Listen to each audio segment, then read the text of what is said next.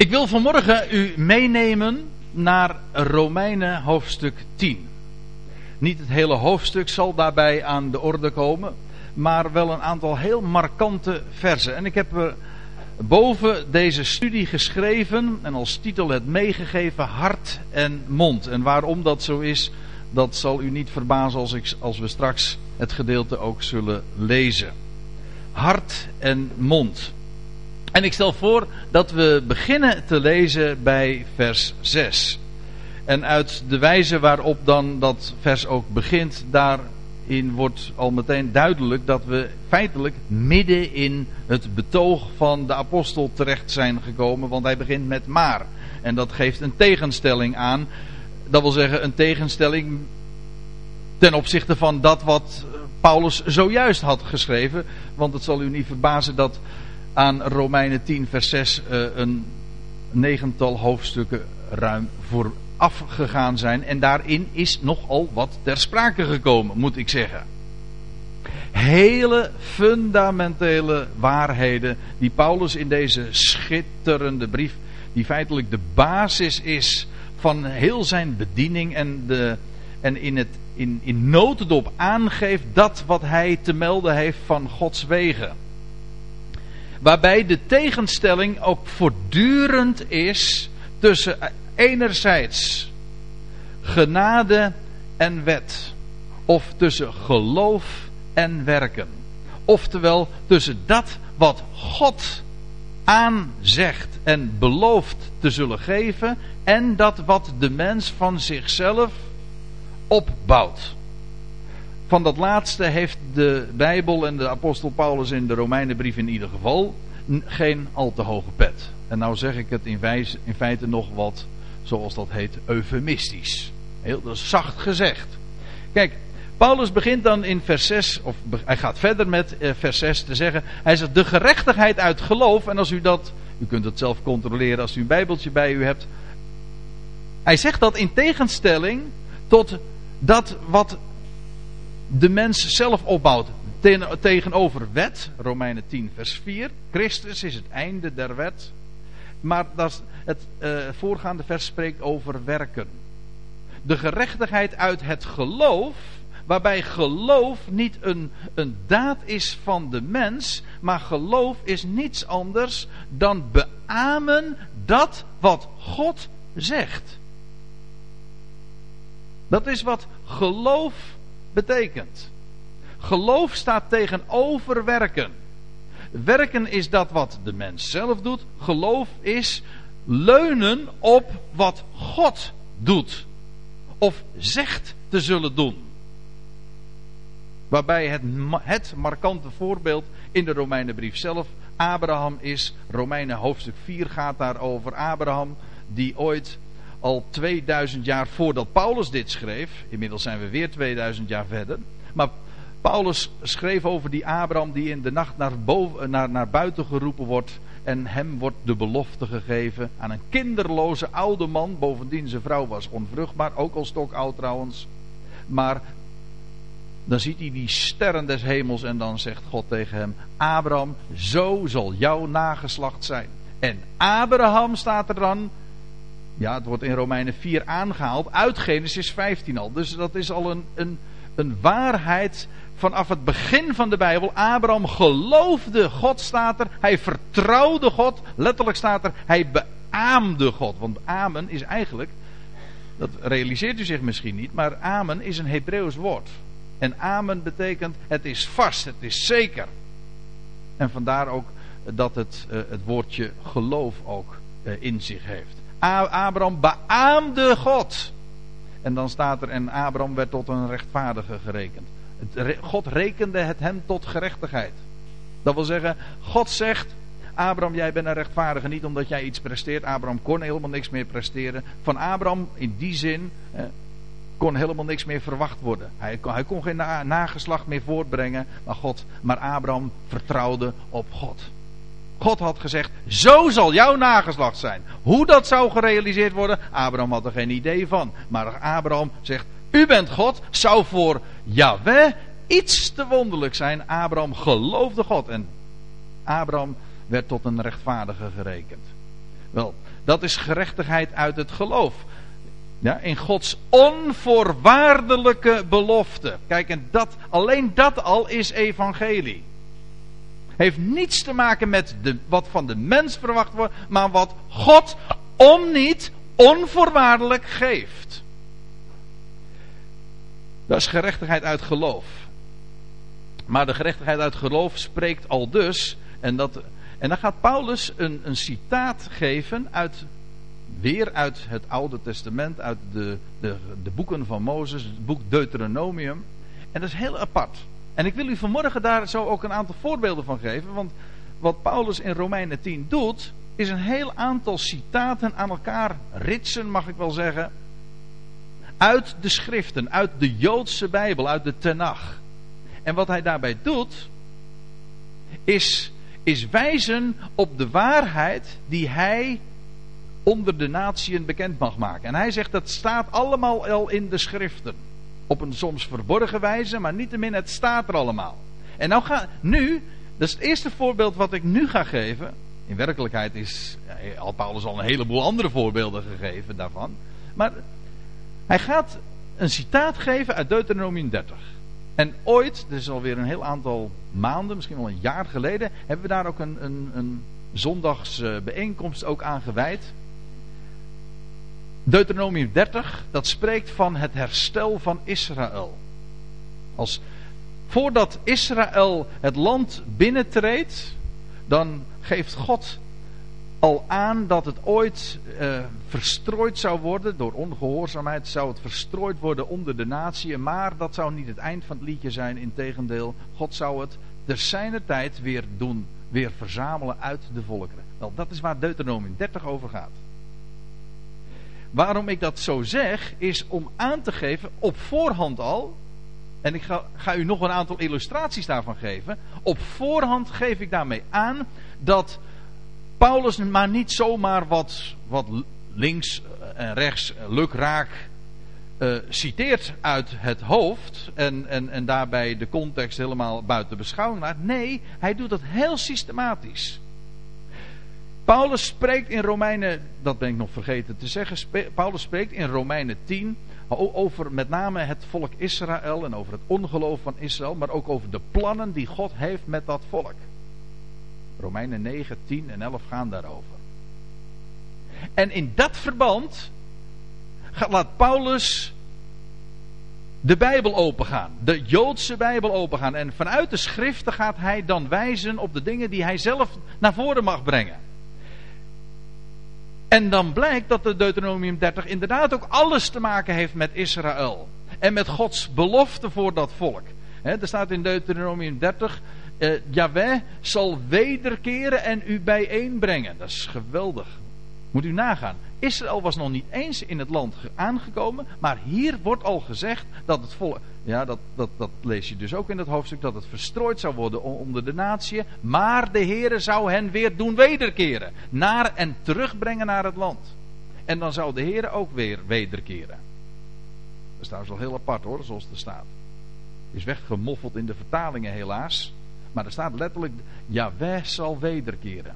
Het is de wederkomst van Yahweh. De Heer zal wederkeren. Dan weet je meteen bij welke gelegenheid dit ook allemaal vervuld zal worden. Namelijk, want als Israël zal terugkeren, zal de Heer ook terugkeren. Uh, Yahweh zal het hart van u en uw nakroost besnijden. Dat is een bekende uitdrukking in, in de, bij de profeten. Dat wil zeggen, feitelijk is dat wat besnijdenis ook is. Hè? Dat, is het, ja, dat is het wegnemen van de voorhuid, maar eigenlijk is het het wegnemen van de bedekking. Ja, daar zitten prachtige dingen nog aan vast. Maar het gaat er even om, hij zal het hart van uw nakroos besnijden. De bedekking wordt weggenomen. En daarmee zal het hart ontdekt worden. En trouwens, alles wordt ontdekt dan. Want men zal ook dus de, de schrift, hun eigen Bijbel gaan ontdekken. En de bedekking zal worden weggenomen. En dat wat erin verborgen is, zal allemaal openbaar worden. Dus dit zijn stuk voor stuk beloften die het volk meekrijgt. Bij monden van Mozes, die dat in Deuteronomium 30 zo aangeeft en, en naar voren brengt. Jawel zal wederkeren en u bijeenbrengen. En Jawel zal het hart van u en uw nakroos besnijden. En dan staat er, Jawel, uw God zal u in overvloed het goede schenken. En Israël zal, zal een, uh, gezegend worden op een geweldige wijze. Geestelijk, stoffelijk. En het zal bovendien tot hoofd van de natie gesteld worden. Staat ook in die hoofdstukken. Niet, het zal niet langer de staart zijn, staat er dan. Maar het zal het hoofd van de natie zijn. Niet verworpen, niet het uitvaagsel meer, maar aan het hoofd van de volkerenwereld. Afijn, zijn allemaal beloften. Daar gaat Deuteronomium 30 over. En in dat verband, als je dan nog even doorleest in Deuteronomium 30, dan gaat Mozes nog iets anders zeggen. En, en Paulus citeert hem dan. Zeg niet in uw hart. Ik ben nu dus weer terug in Romeinen 10, hè. Maar Paulus citeert dus Deuteronomium, zeg het maar, Deuteronomium 30, ja. Zeg het maar een paar keer achter elkaar hoor. Ja, het stotteren. Zeg niet in uw hart, wie zal ten hemel opklimmen? Namelijk om Christus te doen afdalen. Kijk, als je zoiets leest, dan moet je even gaan vergelijken. Want hoe stond het in Deuteronomium, pardon, Deuteronomium 30? Als je dan doorleest in vers 11, dan staat er: Want dit gebod, dat dit wat ik u heden bied, zal ik u, eh, dat ik u heden opleg. Ja, letterlijk staat er, zoals de Statenvertaling eh, ook heeft, dat ik u heden gebied, het is geen opleggen.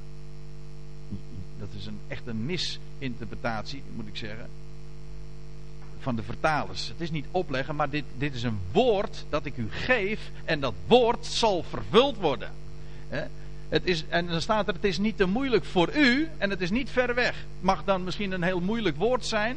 En je, je zou zeggen, het is niet te realiseren. Ja, maar God legt het ook niet aan het volk op. Nee, hij geeft het aan het volk en het zal vervuld worden. En het is niet moeilijk voor u, zegt de, dat, dat wordt al tegen het volk Israël gezegd. Het is niet moeilijk voor u.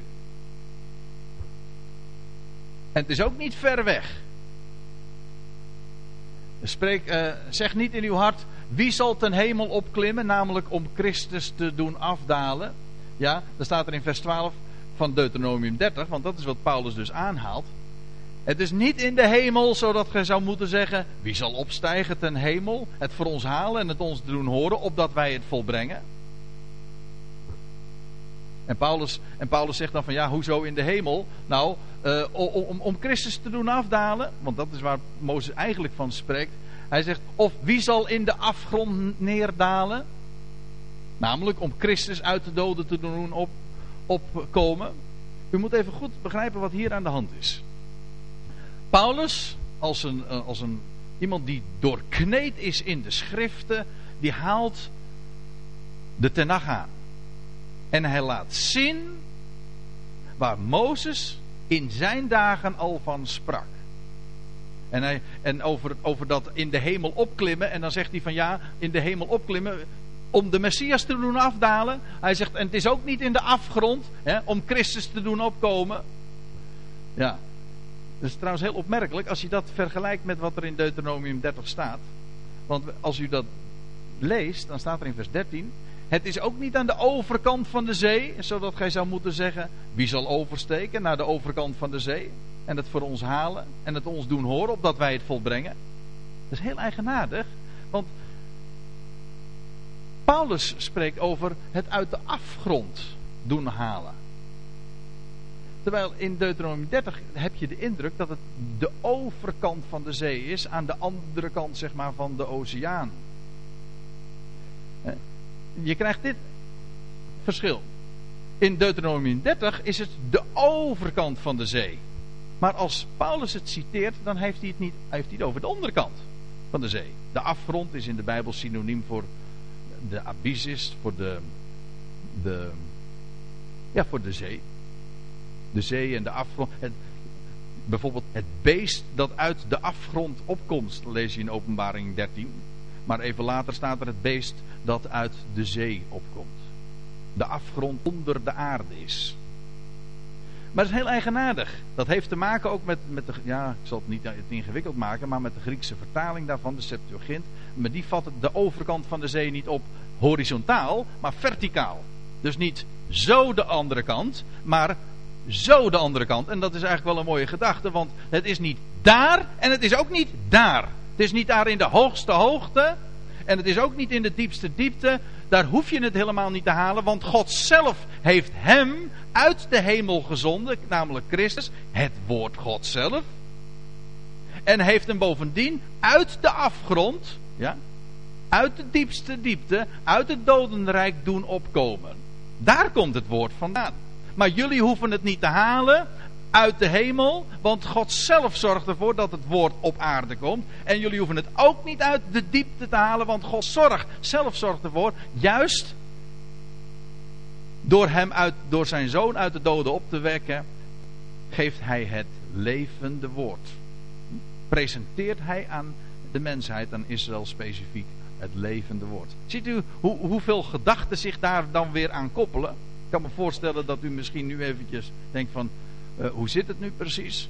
Maar het gaat er maar even om dat, dat Paulus dus al de Mozes aanhaalt om aan te geven, daar staat het allemaal al geschreven. Dat evangelie, dat goede bericht wat ik vertel over de Messias, dat staat, je, je vindt het allemaal al terug in bijvoorbeeld Deuteronomium 30. En dan zegt hij, maar wat zegt zij? En hij, blijft citeren uit Deuteronomium 30. Soms met tussen haakjes erbij te zeggen van ja, daar heeft het echt betrekking op. Maar wat zegt zij? Nabij u is het woord, in uw mond en in uw hart. Ja, kijk het maar na in Deuteronomium 30, vers 14, daar staat het. Maar dit woord is zeer dicht bij u, in uw mond en in uw hart, om het te volbrengen. Mooi hè? Als je even, daar even bij stilstaat, hoe het volbracht wordt. Mensen praten altijd maar over, ja, het woord moet, moet je handen en voeten geven. Maar dan denk je van, daar gaat het niet om. Het woord gaat niet om handen en voeten. Het woord gaat om hart en mond. Het gaat ook niet over iets wat wij opbouwen door onze werken, maar dat wat God belooft en zijn woord doet zijn werk via het hart in ons en via de mond. Want u weet, als het in het hart zit en als het hart vol van is, dan, gaat, dan loopt de mond ervan over. Ik geloof dat ik ja, ik kom daar straks nog even op terug. Uh, namelijk, wat zegt zij? Nou, bij u is het woord in uw mond en in uw hart. Namelijk het woord van geloof dat wij prediken. En, en dan vraag je je af, uh, wat bedoelt Paulus daar precies? Het woord dat wij prediken. Nou, hij bedoelt te zeggen, hij citeerde Mozes. En hij zegt, dat wat Mozes in Deuteronomium vertelt, namelijk van het woord van geloof in de belofte. Niet over dingen die worden opgelegd aan de mens, maar God die belooft. Wel, hij zegt dat predik ik, maar dat predikte Mozes ook al in zijn dagen in Deuteronomium 30. Daar specifiek ook in verband met het herstel van Israël, dat zelfs in onze dagen nog toekomst is, nabije toekomst, oké. Maar begrijpt u? Het gaat om geloof. En Paulus zegt, in feite predikte de Mozes dat ook al.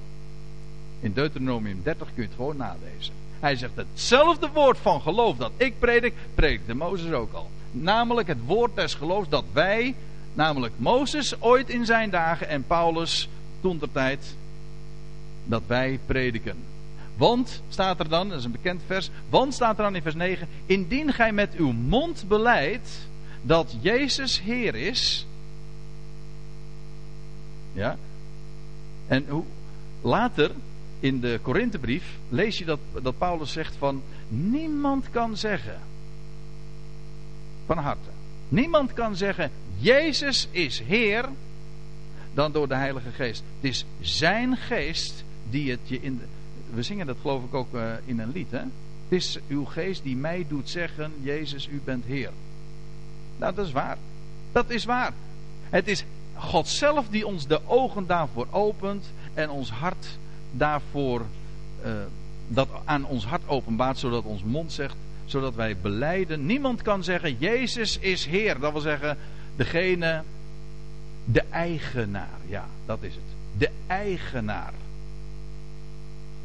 Hij bezit mij. Jezus is Heer dan door de Heilige Geest. En ik lees even verder in Romeinen 10, vers 9. En met uw hart gelooft dat God hem uit de doden heeft opgewekt, dan zult gij behouden worden. Dus vers 9, eh, vers 9 begint met: Indien gij met uw mond beleidt dat Jezus Heer is, en met uw hart gelooft dat God hem uit de doden heeft opgewekt. Dat zijn trouwens geen twee verschillende dingen hoor.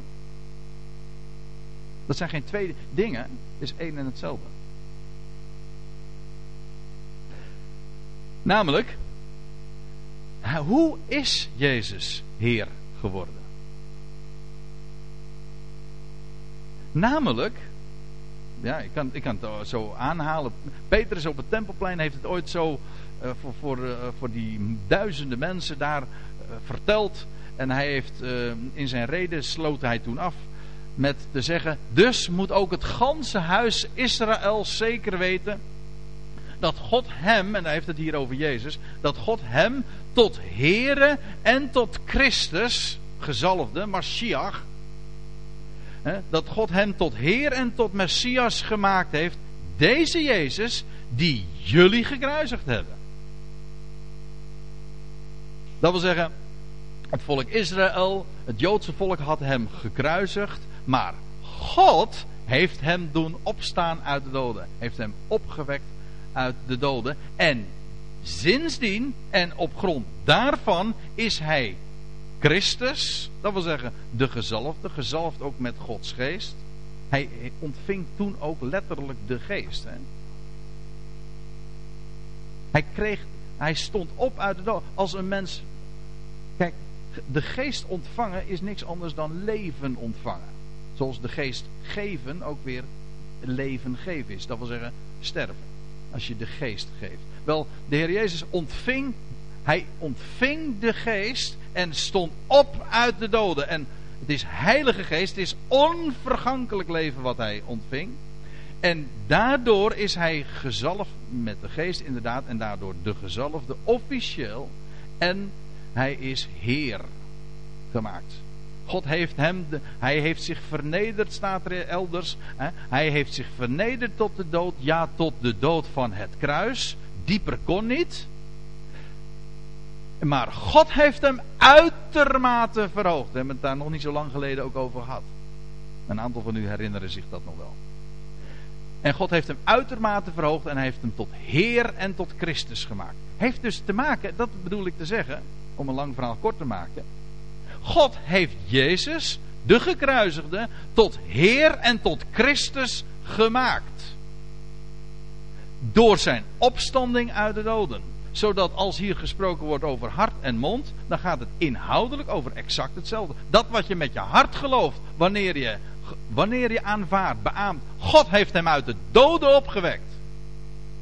Wel, dat is hetzelfde als te zeggen met je mond, hij is Heer. Want hij is Heer geworden, juist doordat God hem uit de doden heeft opgewekt. En, hij, en dat is in feite ook in notendop het evangelie.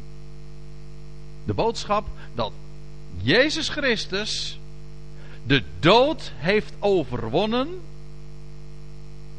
de overwinnaar is en de dood ook eens te, volkomen teniet zal doen. En hij is Heer van alles. Ik kom daar ook nog even op terug. Ja. Dat is wat een gelovige. Een gelovige is iemand die dat erkent. Is dat een prestatie? Nee, helemaal niet. Ja, je ogen moeten ervoor geopend worden. Als je dat mag zien. Maar een prestatie is het niet. Het is niks anders dan het erkennen van een feit. Hij is uit de doden opgewekt.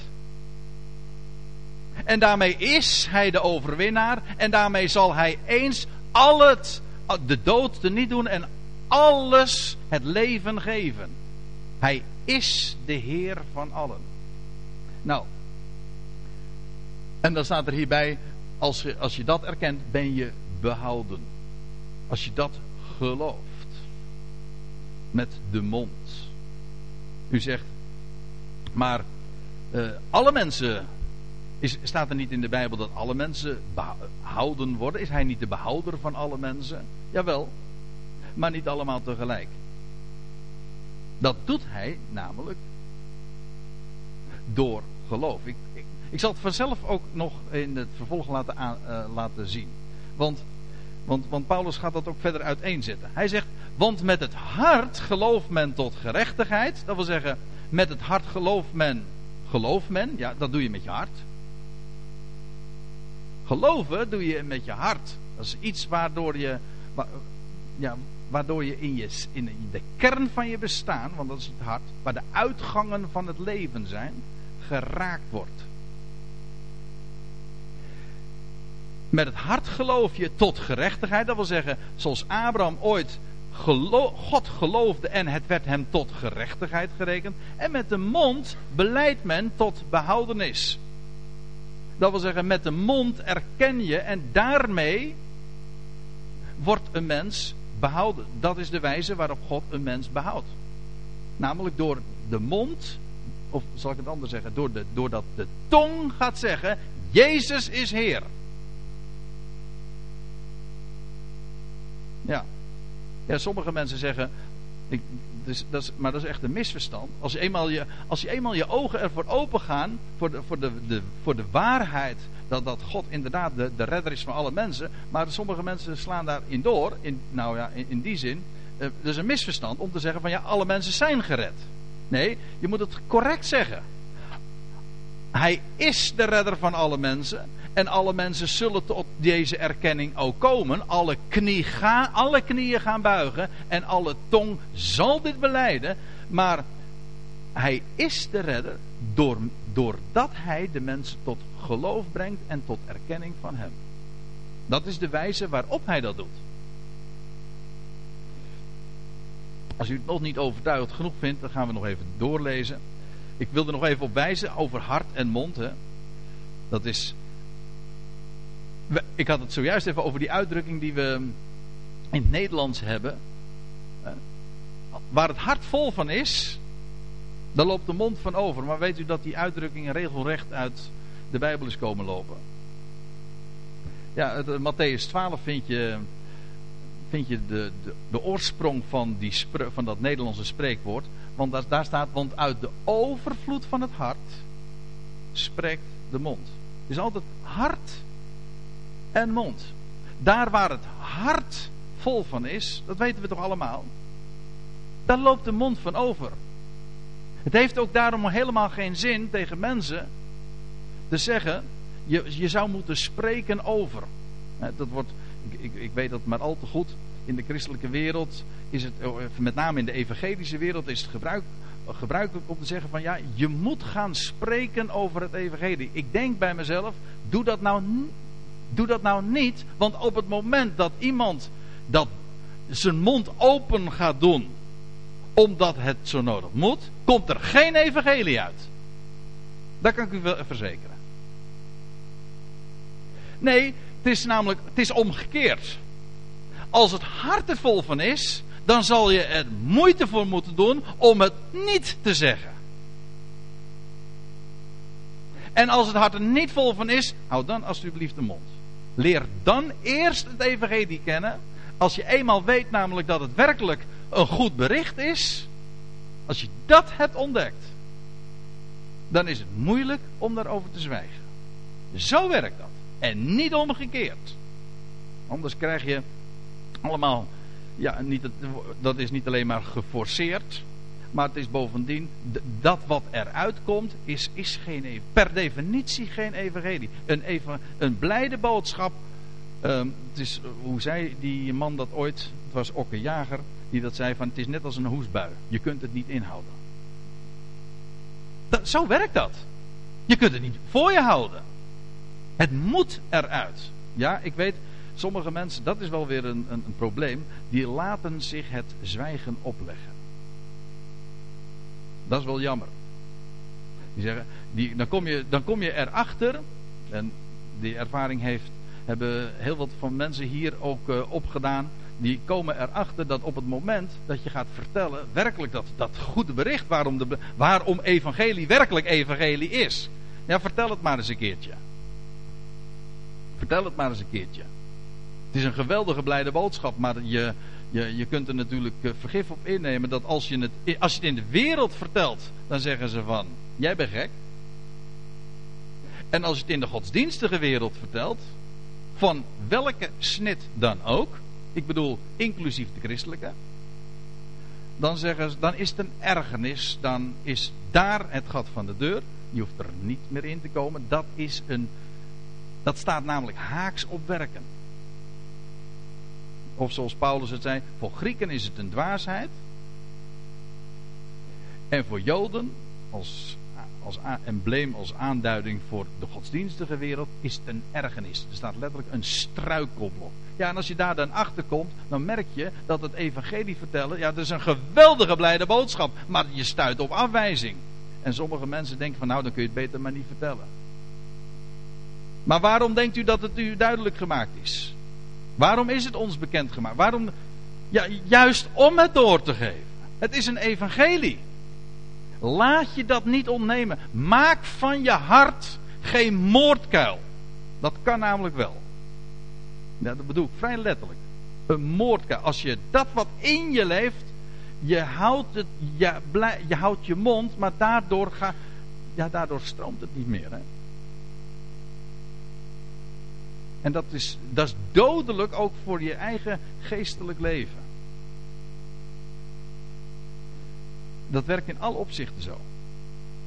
Eh, weet u waarom de dode zee een dode zee is?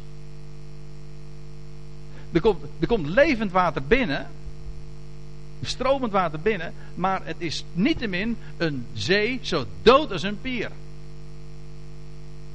Waarom? Wel, het water kan niet doorstromen. Daarom. En dat geldt voor de mens ook. Er kan, als er levend water binnenkomt, maar je laat je het zwijgen opleggen. Je weet het is evangelie, maar je, je, je wordt bang voor de weerstand en het stroomt niet door, dan maak, je inderdaad van je hart een moordkuil. Het geweldige van dat woord is juist dat het gaat stromen. Het komt in het hart binnen. En laat je niet weerhouden door wat men zegt of door de reactie van mensen. Want het moet gehoord worden. Want dat is juist wat, waarom het goed, een goed bericht is. Een evangelie is een evangelie omdat het juist doorverteld wordt. Afijn. De overvloed van het hart spreekt de mond. Uh, ik moet verder gaan, want er staat in vers 11. Immers, het schriftwoord zegt. Al wie op hem zijn geloof bouwt. Of letterlijk staat er: al wie op hem op hem gelooft. Ik geef toe, dat is niet zo mooi Nederlands, maar dat is wat er echt staat. Maar het woordje bouwen, daar gaat het helemaal niet om. Het gaat er niet om dat je, dat je, dat je iets met je geloof gaat bouwen. Als, als er al gebouwd wordt, dan bouwt hij. Nee, het gaat erom dat je op hem gelooft. Je gaat, zoals we dat in een lied ook zingen, staande op de belofte van mijn Heer en God. Je gaat, God heeft gesproken en ik ga erop staan. Nou, dat staan. Dat is, op hem geloven. En dan introduceren we bij deze gewoon een nieuwe Nederlandse uitdrukking. Als die niet voorhanden is, dan, uh, dan maak ik hem gewoon zelf. We, we geloven op hem namelijk. Hij heeft gesproken, hij belooft, hij geeft om niet en ik sta daarop. Dat is wat geloof ook gewoon is. Wie op hem gelooft, die zal niet beschaamd uitkomen. Daar kom je nooit verkeerd mee weg. Want hij vervult wat hij belooft. Weet u wat het punt is? Als, je, als, als het afhangt van de mens, in welk opzicht dan ook, dan kom je altijd gefrustreerd eruit. Dat loopt altijd op teleurstellingen uit. Dat is nu eenmaal de mens. Ook als, zelfs als je de verwachtingen vrij laag houdt. En de lat niet al te hoog hangt. Maar daar waar je steunt op een mens, die stellen, mensen stellen teleur. Zelfs al is het een prins. Daar was hij toch? Psalm 146. Vestigt zelfs op prinsen geen vertrouwen. Al wie, maar het schriftwoord zegt: al wie op hem zijn geloof, of al wie op hem gelooft, die zal niet beschaamd uitkomen. Dat evangelie beschaamt niet. Letterlijk staat er in Romeinen 1, vers 16 ook. Um, het evangelie, Ik schaam mij, want ik, want ik schaam mij het. Ik ben geneigd om het te gaan zingen als ik. Er is namelijk een mooi lied van. Want ik schaam mij het evangelie niet. Want het is een kracht Gods tot redding, ja. Maar letterlijk staat er: het evangelie beschaamt mij niet. Nog veel mooier. Doet mij niet met een rood hoofd staan. Waarom niet? Omdat het evangelie een niks anders is dan de mededeling van een feit. Het is gewoon zo. Ja, het, het, uh, je komt er nooit beschaamd mee uit. Dat is wat er staat. En Paulus citeert ook hier weer de schrift. Hij zegt immers, het schriftwoord zegt. En hij hoeft niet eens te zeggen waar, waar het staat, want kennelijk was, uh, waren de lezers ermee vertrouwd. Het staat namelijk in Jezaja 28. En ook dan is het weer zo opmerkelijk, want kijk maar dan eens een keertje naar de context. En er ontvouwt zich een compleet panorama als je dat ziet. In Jezaja 28. Kijk het maar na. Maar in Jezaja 28 moet u maar eens lezen. Daar wordt er gesproken in vers 10 over het Joodse volk. Wat voor hen het woord van God is geworden. Er staat letterlijk, er staat het woord van God dat is rust voor de vermoeide. Dat is wat het woord van God is. En weet je wat het, het Joodse volk ervan had gemaakt? Staat al in Jezaja 28. Het is voor het woord van Yahweh was voor hen geworden wet op wet, ijs op ijs, hier wat, daar wat. Het schijnt in het Hebreeuws helemaal uh, komisch te klinken. Maar uh, zo komisch is het niet hoor. Hoe men het woord van God van een, een woord van verademing en van rust heeft men het gereduceerd, heeft men het vervormd, verdraaid tot wet op wet, ijs op ijs. Zo is voor hen het woord van God. En dat was voor het Joodse volk toen, en trouwens nog steeds het geval. Maar ik moet u zeggen, in elke religie is dat zo. En opnieuw zeg ik er weer bij, inclusief de christelijke godsdienst. Daar is het ook wat een mens moet doen met het woord. En ik hoorde van, van de week las ik eh, een, eh, een artikel op een website van een evangelisch, een gerenommeerd evangelisch maandblad of uh, evangelische site. Een, een, een man zegt, ik, ik, keek mijn ogen uit, hij zegt van ja, hij zegt de wereld is in nood en wij zijn het evangelie. Oh my goodness, denk ik dan. Als wij het evangelie zijn, ja echt waar hoor, een gerenommeerd evangelisch uh, website waarin dat zo gezegd werd. Het werd zelfs nog uitgelegd ook, wij zijn het evangelie. Kom nou toch, wij zijn het evangelie niet. Hij is het evangelie. Dat wil zeggen, hij die de dood heeft overwonnen. Daar wijzen wij op. Dat, ja, als, ja en ik denk dan bij mezelf, wat, wat, wat een armoedroef. Als we een wereld in nood moeten gaan wijzen op onszelf. Hè, en dan had hij het ook over handen en voeten enzovoort. Ja, ja. Nou, het is allemaal heel vroom, heel activistisch. Maar ik denk het is armoedroef. Want we hebben een levend woord. En anders niet. Wat is zo uniek aan ons? Nou, ik zal u dit vertellen. Ik wil u helemaal niet gaan beledigen of zo. Nou, laat ik me dan even beperken tot mezelf. Wat is zo bijzonder aan mij? Mijn, uh, mijn, uh, wat, zegt u uh, daar achterin? ja, geen herhaal het eens.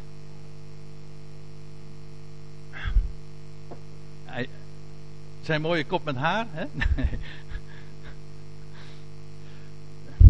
mijn geweldige maatschappelijke loopbaan, hè? Ja, de intimi weten waar ik het over heb. Nee, ik bedoel, ach mensen, waar hebben we het dan toch over, zeg? Wat is zo bijzonder aan ons? Weet u wat zo bijzonder aan ons is? Dat is het woord dat we hebben gehoord. Dat evangelie dat we kennen. Dat die, waarom, ja, waarom leven wij? Hè? Mijn dochter pleegt het nog wel eens zeggen, te zeggen. Zoek een leven. Nou, wij hoeven het niet meer te zoeken. Get alive, zeggen ze in het Engels dan. Nou, met recht. Waarom? Nou, wij hebben een woord van hoop. En dat doet ons leven. Er is verder helemaal. En u weet het, hè? Hoop die gezien wordt, is geen hoop. Dus er valt helemaal niks te zien. Alhoewel ik erbij moet zeggen, die hoop doet ons wel leven. En dat maakt ons dan weer stralend. Maar dan, is, dan, gaat, het, dan gaat het niet om, om iets van onszelf. Maar het gaat er om zijn woord, zijn belofte. Dat doet ons stralen. Trouwens, dat is ook het licht. Dat we verspreiden. Zijn woord en niets anders. Nou ja. Ik had het over het Joodse volk dus. Hè? Maar u ziet in wezen, het komt allemaal zo dichtbij. Want het is in wezen zo menselijk. Hè? Hoe, wat men van het woord van God gemaakt heeft. Wet op wet, ijs op ijs. En dan, dan lees je trouwens ook in Jezaja 28. God zal, God zal tot dit volk, dat Joodse volk, gaan spreken door lieden van een vreemde tongval. Paulus heeft het erover in 1 Corinthië 14. Het spreken in tongen was daar een, in feite ook een, een, een, uitbeelding van. Dat wil zeggen, door lieden van een vreemde, door, door een andere taal dan de Hebreeuwse, zou God tot het volk van Israël gaan spreken. Nou, dat was een grote ergernis voor het Joodse volk, want zij waren toch het volk. En nou zou God door belachelijke lippen, zo staat het er dan. Door belachelijke lippen u weet, hè, een buitenlandse taal klinkt in, in de oren van iemand die dat niet kent, gewoon belachelijk. Vaak. Ik hoorde de laatste maanden heel vaak van die uh, mensen die van allerlei talen zeggen. En dat klinkt soms inderdaad belachelijk, ja. Nou, God, God spreekt van in, in wezen al deze, deze tijd van verborgenheid, in deze 2000 jaar, een, door niet Hebreeuws, het Nieuwe Testament is ook niet in het Hebreeuws geschreven, maar door, door belachelijke lippen, door een vreemde tongval, spreekt hij tot dit volk. Afijn, dat staat allemaal al in Jezaja 28. En dan, zegt, en dan staat er in vers 16, en God legt in Sion, daar in Jeruzalem, een kostbare hoeksteen. En dan staat erbij, voor een ieder die gelooft. Niet voor wet, voor mensen die de, die, die de wet doen, maar voor een ieder die gelooft en gaat staan op die hoeksteen, die voor anderen inderdaad een steen des aanstoots is, staat er ook allemaal bij. En in dat verband haalt Paulus dat aan. Ziet u, opnieuw weer, Paulus haalt maar niet lukraak het Oude Testament aan. Hij doet het systematisch. Het gaat hier juist over deze dingen. En u begrijpt, die kostbare hoeksteen, dat is niemand minder dan de Heer Jezus Christus. Die opgestaan is uit de dood en het fundament is voor een hele nieuwe schepping en voor al Gods beloften die door Hem gerealiseerd zullen worden en die in Hem ja en amen zijn. Ja, en, en ieder die daarop gaat staan, want zo staat er eigenlijk. Hè. U, u, kent, u kent de uitdrukking, zij die geloven haasten niet. Hè? Maar dat komt daar uit Jesaja 28 vers 16. Maar dat betekent letterlijk, zij die geloven, die, die, die vluchten niet weg. Nee, die gaan staan. Namelijk op dat fundament. Ze, ze haasten niet, dat wil zeggen, ze gaan niet rennen. Wordt, nee, echt niet. Geloof heeft niet met rennen te maken, maar heeft te maken met staan. Niet degene die rent, hè, hangt niet af van degene die, die zelf doet, maar van God die zich ontfermt. Ja, dat zijn zo van die vrije associaties die ik dan maak. Afijn, die hoeksteen, die heeft God daar neergelegd, daar in Jeruzalem. Daar klonk die stem. Hè? We gaan daar straks nog een lied over zingen. Daar werd het graf geopend en een ieder die daarop staat. Dat is wat voor God telt. Wat hij gedaan heeft. Want staat er dan nog, uh, zegt Paulus, want er is geen onderscheid. Er is geen onderscheid tussen Jood en Griek. Als het daarom gaat. God mag een bijzondere eh, plan hebben met het volk, eh, volk, van Israël. Maar als het daarom gaat, is, is, is er een universele waarheid. En het gaat nooit om werken. Het gaat om Gods woord en op de mens die op eh, Gods belofte Amen zegt. Er is geen onderscheid wat dat betreft tussen Jood en Griek. Immers, één en dezelfde is Heer over allen. Ik moet erbij zeggen, er staat niet over allen. Maar er staat van allen. Dat is een groot verschil.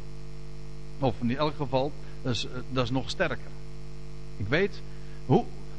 Het meeste wat voor evangelie doorgaat. Sorry dat ik het misschien wat scherp zeg. Maar het meeste wat voor evangelie doorgaat. Als het gepredikt wordt. Als men het al niet helemaal weggecijferd en gereduceerd heeft. Door, het, door te zeggen van ja wij zijn het evangelie. Dan zegt men van ja. Je, je zou geloven dat Jezus voor je zonden is gestorven. En dan wordt Jezus, als, je dat, als jij dat gelooft. Dan maken ze van geloof weer een werk. Hè? Als jij dat gelooft, dan wordt Jezus jouw Heer. En redder. Dan is het onze keuze die maakt dat Hij onze Heer en daarmee ook onze redder is. Want als Hij onze Heer is, dan zijn we voor Zijn rekening. Dat we Zijn eigendom zijn. En ik weet bijvoorbeeld dat, dat er, er is een schitterende zondag in de Heidelberger Catechismus. En wat is uw enige troost in leven en in sterven? En dan is het antwoord dat ik, dat ik het, nou ik zeg het nu even met mijn eigen woorden, maar dat ik het eigendom ben van mijn getrouwe zaligmaker. Als je dat weet, is waar hoor. Maar, het, het, maar wat dan altijd verteld wordt, ja, dat is weggelegd voor een aantal mensen. En de, en de meerderheid niet. En trouwens, ook de, in de evangelische wereld zegt men ook van ja, Jezus wordt jouw Heer doordat jij voor hem kiest. En ik zeg u dit, dan heb je het evangelie om zeep geholpen. Ja, echt. Dan heb je het om zeep geholpen. De, de, het evangelie is juist niet, hij wordt jouw Heer doordat jij kiest. Nee, de boodschap is, hij is Heer van allen. Waarom? Wel, elk mens is zijn eigendom. Waarom? Ja, je kunt waarom blijven vragen. Wel, antwoord. De prijs is betaald voor allen. Hij gaf zichzelf tot een losprijs voor allen. Alle mensen zijn gekocht en betaald. En dus zijn eigendom. En dus is hij heer van allen. En een gelovige is niet iemand die zegt van... Uh, ja, nu, nu zet ik de stap. En nou wordt hij mijn heer en redder. Nee, de boodschap is... Hij is jouw heer en redder. En dat mag ik geloven. Daarop ga ik staan. Ziet u wat een enorm verschil dat is? Maar door het om te keren, het lijkt er zo, het lijkt er als twee druppels water op, maar het is een wereld van verschil. Want in het ene geval is de mens feitelijk degene die de finishing touch doet. De mens redt uiteindelijk zichzelf. God biedt het aan, maar de mens is uiteindelijk die zichzelf redt. Ja, Er is geen onderscheid. Immers één en dezelfde is Heer van allen. Curios panton staat er. Dat is wat er in het Grieks, uh, wat Paulus had geschreven. Een Lord of all. Een Heer van allen. Rijk voor allen die hem aanroepen. Hij is Heer van allen. Of je het nou gelooft of niet. En op het moment dat je hem aanroept. Daarop amen zegt. Dat uitspreekt. Wel dan zul je de rijkdom daar gaan van gaan ervaren. Kijk, dat is wat geloof is. De rijkdom van het feit dat hij Heer van allen is, komt pas tot je en wordt je, maak je je pas eigen op het moment dat je het erkent. Dat is waar. Rijk voor allen die hem aanroepen. En hij heeft een rijkdom hoor. Daarom zouden we ook nooit in, arm, in, in, in armoede hoeven leven. Hij heeft een, een, een rijkdom zo ongekend groot. Alle schatten van wijsheid en rijkdom zijn in hem verborgen. Maar vers 13 gaat Paulus verder. Want staat er, al wie de naam des Heren aanroept zal behouden worden. En dan haalt Paulus weer iets uit aan uit het Oude Testament.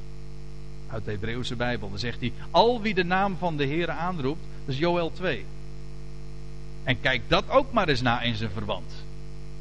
Ja, ik geef toe dat het misschien wat eentonig wordt. Want ik zeg iedere keer, als Paulus iets citeert uit het Oude Testament, dat dat dus heel systematisch. Want waar gaat het over in Joel 2? Wel over de toekomstige dag van Yahweh. De dag des Heren. Ja. En dan staat er eh, op de berg van Zion zal ontkoming zijn. En hoe staat het er nou precies? Ik weet het even nu niet uit het hoofd. En, en, en in Jeruzalem zal. Wie helpt mij? Nou ja, ja, ontkoming. In elk geval, daar in Jeruzalem, dat is toekomst. Als, we hebben het daar nog niet zo lang geleden over gehad.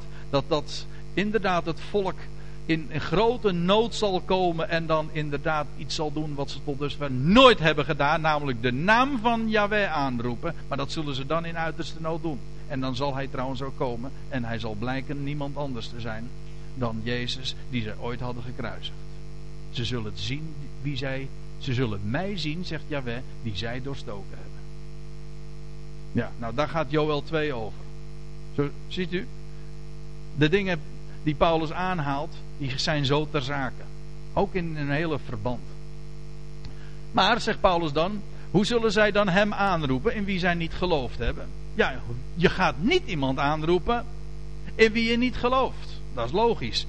Uh, hoe geloven hem of letterlijk staat er, hoe geloven van wie zij niet gehoord hebben, of van wie zij niet horen, het staat er eigenlijk in de, in de aorist gewoon als feit. Hoe geloven, hoe vertrouwen hem van wie je nooit vernomen hebt? Dat kan niet. Oftewel, hoe horen zonder prediker? Als, de, als degenen die weten hoe het zit, hun mond houden, hoe zouden andere mensen het dan kunnen vernemen? En dat denk ik wel eens een keer. We leven, ik zeg u niks nieuws, we leven inderdaad in een duistere wereld. En het licht schijnt in ons hart. Het licht heeft in ons hart geschenen. En ik denk, waar het, wat, wat de bedoeling van ons leven is, dat we het woord inderdaad in de mond nemen. Zodat, het, zodat ook zij ervan vernemen. Want er is, ik zei u, in de wereld zal, de wereld zal, laat ik het anders zeggen. We leven in een donkere wereld. En we moeten ons niet verbeelden dat we door ons licht de duisternis doen verdrijven. Dat gaat wel gebeuren. Maar dat is pas als de nacht voorbij is en de zon van de gerechtigheid op zal gaan over deze wereld. Dan zal de nacht verdwijnen. En, maar wij schijnen als sterren, zegt Paulus. Een ster is, geeft niet zoveel licht dat, dat de duisternis verdwijnt, maar we zijn wel oriëntatiepunten. En hoe? Door onze levensstijl. Begrijp me goed. Er is niks meer met, met een goede levensstijl. En het is de bedoeling van ons leven dat we, uiteraard, dat begrijpt u ook wel. Dat Paulus uh, legt daar ook uh, dikwijls in zijn brieven de nadruk op dat wij door onze wandelwaardig de roeping waarmee we geroepen zijn. Zorg ervoor dat je leven niet conflicteert, zoals dat heet. Hè? Dat je leven niet in strijd is met dat wat je zegt. Want je zult ongeloofwaardig zijn. Dat is waar. Maar dat is niet het evangelie. Het evangelie is dat wat, wat, wat, we, wat we hebben te vertellen. Dat is de hoop die we kennen. Hoe horen zonder prediker? En ik lees nog even verder. Ik moet uh, echt opschieten. Hoe zal men prediken zonder gezonde te zijn? Gelijk geschreven staat, Paulus haalt weer aan. Gelijk geschreven staat, hoe liefelijk zijn de voeten van hen die een goede boodschap, een goed bericht, een evangelie hebben. Ook dan haalt Paulus weer aan, uh, iets aan uit de profeten, in dit geval Jesaja 52. En kijk het maar na, het gaat over het herstel van Israël. Opnieuw weer zo'n ter zake citaat. Maar staat er niet allen hebben aan het evangelie gehoor gegeven, want Jezaja zegt, Heere, wie heeft geloofd wat hij van ons hoorde? Ja. En uh, weet u waar die, waar die dan uh, naar verwijst? Ja, inderdaad, Jezaja, maar dan nog een hoofdstuk verder, Jezaja 53. En als ik het zo zeg, dan denkt u, oh, is dat niet dat hoofdstuk dat gaat over, over Jezus, die, die als een lam ter slachting werd geleid? Ja, inderdaad, dat hoofdstuk. En wij allen achter hem een God geplaagde. Het gaat over Israëls verwerping, dat hoofdstuk. Maar ook weer over Israëls aanneming. Ziet u, Paulus opnieuw illustreert dat hij de schriften werkelijk open doet en recht doet aan dat wat er geschreven staat. En zo concludeert hij dan, en ik, ik laat het hele, de, de, de precisie van, van wat Paulus nu hier in deze dingen ook naar voren brengt, uh, dan laat ik eventjes rusten. Het gaat me eventjes om, om, om, om de clue, de, de rode draad die uh, in dit hoofdstuk, in deze versen die we nu ook hebben besproken, eigenlijk uh, zichtbaar wordt. Paulus concludeert, hij zegt, zo is dan. Het geloof uit het horen en het horen door het woord van Christus. Dat wil zeggen, het begint bij hem die zijn woord heeft gesproken en dat woord is levend woord. En wat wij, de, wat wij de mensen te bieden hebben, dat is niet onze levensstijl. Dat is geen, e- wij zijn niet het evangelie, maar dat woord van God en van zijn belofte, dat is werkelijk blijde boodschap. Dat hebben we te bieden. Dat zou klinken. En het, het allermooiste vind ik trouwens daarbij nog, nou of in ieder geval, uh, dat maakt me zo des te blijer op het moment dat je het in de mond ook neemt. En andere mensen ervan vertelt. De eerste oren die het horen. We hadden het er gisteren nog over, Jan. De eerste oren die, we het, er, die het horen als je het woord spreekt, dat zijn je eigen oren. En dat wekt weer opnieuw geloof. We denken altijd te gering over zijn woord. Alle dingen zijn door het woord tot stand gekomen. En zijn woord geeft werkelijk leven. Dat is wat we de mensen mogen voorhouden. Schijnen als lichtende sterren. En dan staat erbij het woord des levens voorhoudende. Ja. En ik wil eindigen met wat er staat in Johannes 7. Over hart en mond gesproken. Wie in mij gelooft, dat zei de Heer Jezus ooit in Jeruzalem. En hij riep dat zo uit over de scharen. Wie in mij gelooft, gelijk de schrift zegt. Stromen van levend water zullen uit zijn binnenste vloeien. Heeft ook weer hart en mond. Dat wil zeggen, er komt een stroom van levend water binnen zijn woord. En weet u wat het effect is? Het, als het hart er vol van is, dan zal de mond er inderdaad van gaan spreken. Ervan overvloeien. En dat is dat levende woord dat gaat stromen. Zodat we inderdaad ook een zegen zijn voor de mensen om ons heen. En ons licht ook mogen laten schijnen voor hen. Ik stel voor dat we een lied gaan zingen daarover.